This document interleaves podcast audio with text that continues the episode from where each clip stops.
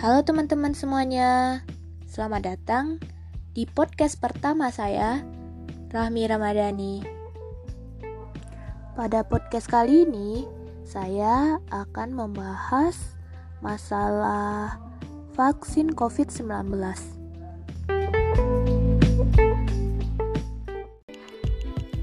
By the way, podcast pertama saya kali ini juga merupakan tugas dari mata kuliah Pendidikan Kewarganegaraan dengan dosen pengampu Ibu Giovanni Maiwanda, ESOS MPA.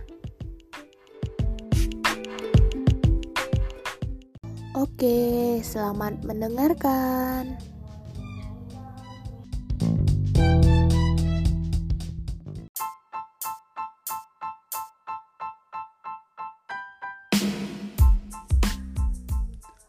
Oke, mengenai tema kali ini yaitu vaksin COVID-19. Gimana? Sepanjang sejarah telah tercatat vaksinasi atau program vaksinasi dapat secara efektif mencegah berbagai macam penyakit. Contohnya saja nih, vaksin cacar, vaksin polio, vaksin BCG untuk mencegah TBC. Semua ini telah terbukti efektif, dan menurunkan angka penderita masing-masing penyakit tersebut. Nah, pada wabah pandemi kali ini, pemerintah memiliki atau memutuskan untuk uh, melakukan vaksinasi COVID-19 kepada masyarakatnya. Untuk menjaga kepercayaan dari masyarakat, Bapak Presiden langsung loh yang menjadi orang pertama yang divaksin dan itu disiarkan secara langsung. Ini berguna untuk memutus mata rantai penularan dan bertambahnya angka penderita penyakit COVID-19. Namun, walaupun presiden langsung nih yang jadi orang pertama disuntik vaksin COVID-19, masyarakat masih aja banyak yang tidak percaya atau takut untuk divaksin. Padahal nih ya, program vaksinasi ini dibuat pemerintah, dijalankan oleh pemerintah, merupakan salah satu cara yang bisa dilakukan untuk menyelamatkan kelangsungan hidup negara, terutama untuk generasi penerus bangsa dan kita bisa deh terbelenggu uh, hil, uh, lepas dari belenggu wabah COVID-19 ini.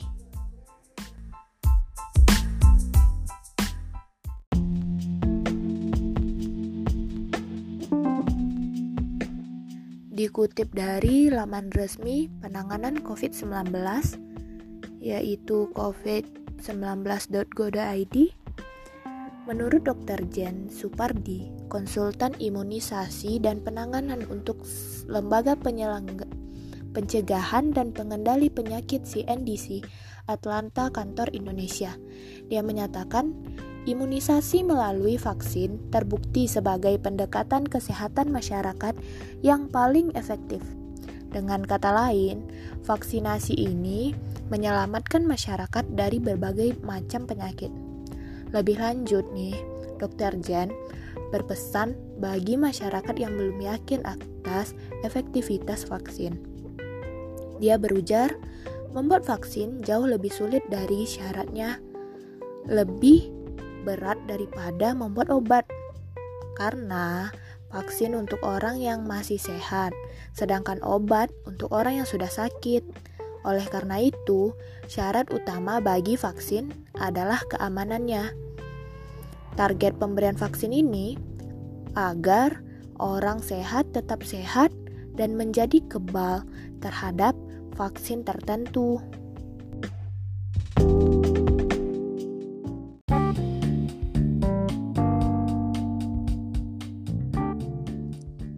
Lah, terus Masalahnya sama pendidikan kewarganegaraan mi apa? Eits, tunggu dulu. Ini semua berkaitan dengan pendidikan kewarganegaraan loh. Kenapa? Karena kita sebagai masyarakat yang masyarakat Indonesia nih yang berpedoman kehidupan kepada Pancasila di mana jelas-jelas Pancasila itu meletakkan kepentingan bersama di atas kepentingan pribadi. Terus kita takut nih, kita nggak mau untuk dipa di, untuk divaksin. Gimana tuh nasib orang-orang yang di sekeliling kita, masyarakat sekitar kita? Jujur nih, kita sebagai penerus bangsa generasi muda tentu banyak sekali aktivitas di luar rumah yang itu kadang e, bisa lalai akan protokol kesehatan akan berdampak pada masyarakat sekitar kita. Kenapa? Karena nanti setelah kita beraktivitas harian di luar rumah, kita mungkin saja tidak terkena tapi mungkin membawa atau sebagai carrier Mau gak sih kita nih yang bawa virus dari luar untuk keluarga terdekat kita, kerabat kita, tetangga kita? Gara-gara kita nih yang bawa, mereka yang kena. Mungkin kita sebagai uh, generasi yang muda, uh, remaja masih kuat nih daya tahan tubuh kita, masih kuat uh, antibodi di dalam tubuh kita. Tapi tapi kita pikir nggak sih orang di luar kita, orang keliling kita kan nggak semua yang memiliki daya tahan tubuh seperti kita. Nah, jelas-jelas ini menjadi pengamalan kita sebagai warga negara yang baik dan berpedoman kepada Pancasila yang meletakkan kepentingan umum, kepentingan banyak orang, di atas kepentingan kita pribadi. Dan kita masih aja gitu hmm, ragu, takut sama vaksin yang jelas-jelas uh, ahli yang ahlinya sudah mengatakan baiknya vaksin, gimana vaksin akan membantu kita nantinya. Berdasarkan paparan dari dokter Jen tadi, kita sebagai warga negara seharusnya nggak takut-takut lagi gitu. Terutama pada vaksin COVID-19 Sinovac yang beredar di Indonesia ini uh, yang telah terbukti aman dan mendapatkan rekomendasi dari Badan Pengawas Obat dan Makanan atau yang disingkat BPOM uh, juga kan nih udah dikasih sertifikasi halal dan suci oleh Majelis Ulama Indonesia. Seharusnya nih kita yang sebagai generasi muda yang berpendidikan, yang mengerti dan yang bisa belajar lebih, kita tuh yang uh, mengedukasi masyarakat untuk gimana sih ini vaksinnya, gimana sih uh, nanti kontribusi untuk tubuh kita Nah, seharusnya kita gitu loh. Terus kita meyakini masyarakat di sekitar kita yang masih ragu mengenai vaksin. Uh, gini, uh, vaksin ini kan dibuat uh, setelah adanya uh, pengujian, pengujian laboratorium, uh, ke sana ke sini.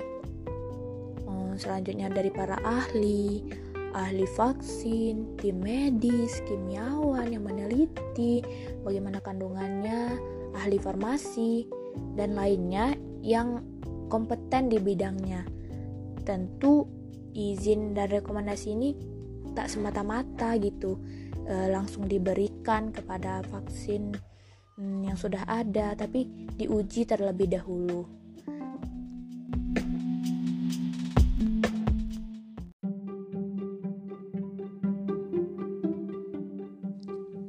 Selanjutnya uh, masih ada nih alasan-alasan yang membuat orang-orang masih enggan, masih takut dari diberikannya, disuntikannya vaksin ini.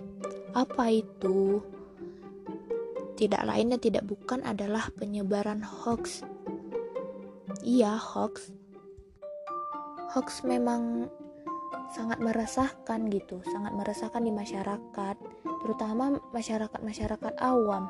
Mereka itu mudah sekali terpengaruh tanpa uh, menyatakan dulu kebenaran dan kepastiannya. Dan orang-orang yang tidak bertanggung jawab, yang bukan ahli dan kompeten di bidangnya, justru mereka loh yang bikin hoax-hoax yang gak yang gak akurat, yang gak benar sama sekali bahkan faktanya. Nah, seharusnya sebagai generasi muda, sebagai warga negara yang baik, kita itu ikut uh, ambil alih untuk menyatakan kebenaran, uh, untuk menyatakan kepada keluarga, kerabat, tetangga untuk tidak menyebarkan berita-berita hoax. Biasanya nih, berita hoax ini uh, tersebar luas di media sosial, kayak FB, Instagram, uh, WhatsApp grup keluarga. Nah, gitu seharusnya nih kita yang muda yang akan melanjutkan uh, estafet negara ini selanjutnya kita yang uh, memiliki pendidikan dan bisa belajar lebih uh, untuk bisa mengedukasi uh, bilang kalau berita ini loh yang benarnya bukan berita ini. Ini adalah hoax yang gak bisa dipercayai gitu. Lalu untuk apa lagi rugi uh, ada berita lagi nih kalau pemerintah ngambil untung dari vaksin ini. Uh, menurut pendapat aku nih ya, gimana ya kalau pemerintah ngambil untung, nggak akan ada wacana uh, wacana kalau vaksin ini digratiskan bagi masyarakat kalau gratis itu ambil untungnya di mana? Gitu sih menurut pendapat aku tapi belum tentu uh, sependapat juga dengan kalian. Tapi saran aku uh, untuk masyarakat agar bisa cek dulu nih kebenaran bagaimana yang aslinya masalah vaksin ini. Soalnya ini kayak udah trending jadi banyak bicaraan orang-orang di lini masa banyak banget gitu. Mari budayakan lagi uh, rasa membaca melihat dan mengamati apa itu kebenaran juga menyebarluaskan kebenaran. Jangan hanya uh, lihat berita hoax kita tahu kebenarannya nah malah dibiarin itu kan gak baik juga. Nah yang terakhir saya mau nyampaikan vaksinasi ini merupakan penyelamat kelangsungan hidup generasi penerus bangsa. Kenapa? Kalau diadakan vaksin mulai dari sekarang kita bakal hmm, bakal terbebas. Bisa terbebas yang menurut literatur yang saya baca 80% gitu uh, efektif uh, untuk kehidupan selanjutnya di negara kita uh, itu kan bakal nggak ada lagi nih angka kematian karena COVID-19 yang sekarang ini udah tinggi banget. Nah, udah mulai nggak ada tuh udah mulai turun. Bahkan sampai nggak ada mudah-mudahan ya amin. Uh, dan bangsa kita selanjutnya juga dunia nih bisa terbebas dari COVID-19 ini, bisa uh, menurun angka kematiannya, uh, lanjutlah kehidupan berbangsa dan bernegara kita. Generasi muda, generasi muda terus berkarya tanpa ada lagi batasan untuk tidak keluar rumah. Uh, hanya kuliah online ini kan sangat sangat tidak mengasihkan sangat tidak efektif. Bahkan kalau kuliah online work from home ketemu teman-teman via online doang nggak bisa uh, nongkrong buat ngasih pendapat ngasih argumen demi kebaikan demi kelangsungan. Nah, untuk itu uh, pesan saya tetap. Nah ini nih penting. Walaupun udah ada vaksin sekarang Kan belum keseluruhan Masih ada angka uh, COVID-nya. Uh, Tetap atur uh, taati aturan uh, 3M Menjaga jarak Memakai masker uh, Dan mencuci tangan. Nah selalu patuhi protokol kesehatan dan keep healthy, keep positive, and keep produktif, kreatif, inovatif. Sampai jumpa di podcast saya selanjutnya. Terima kasih. Dah.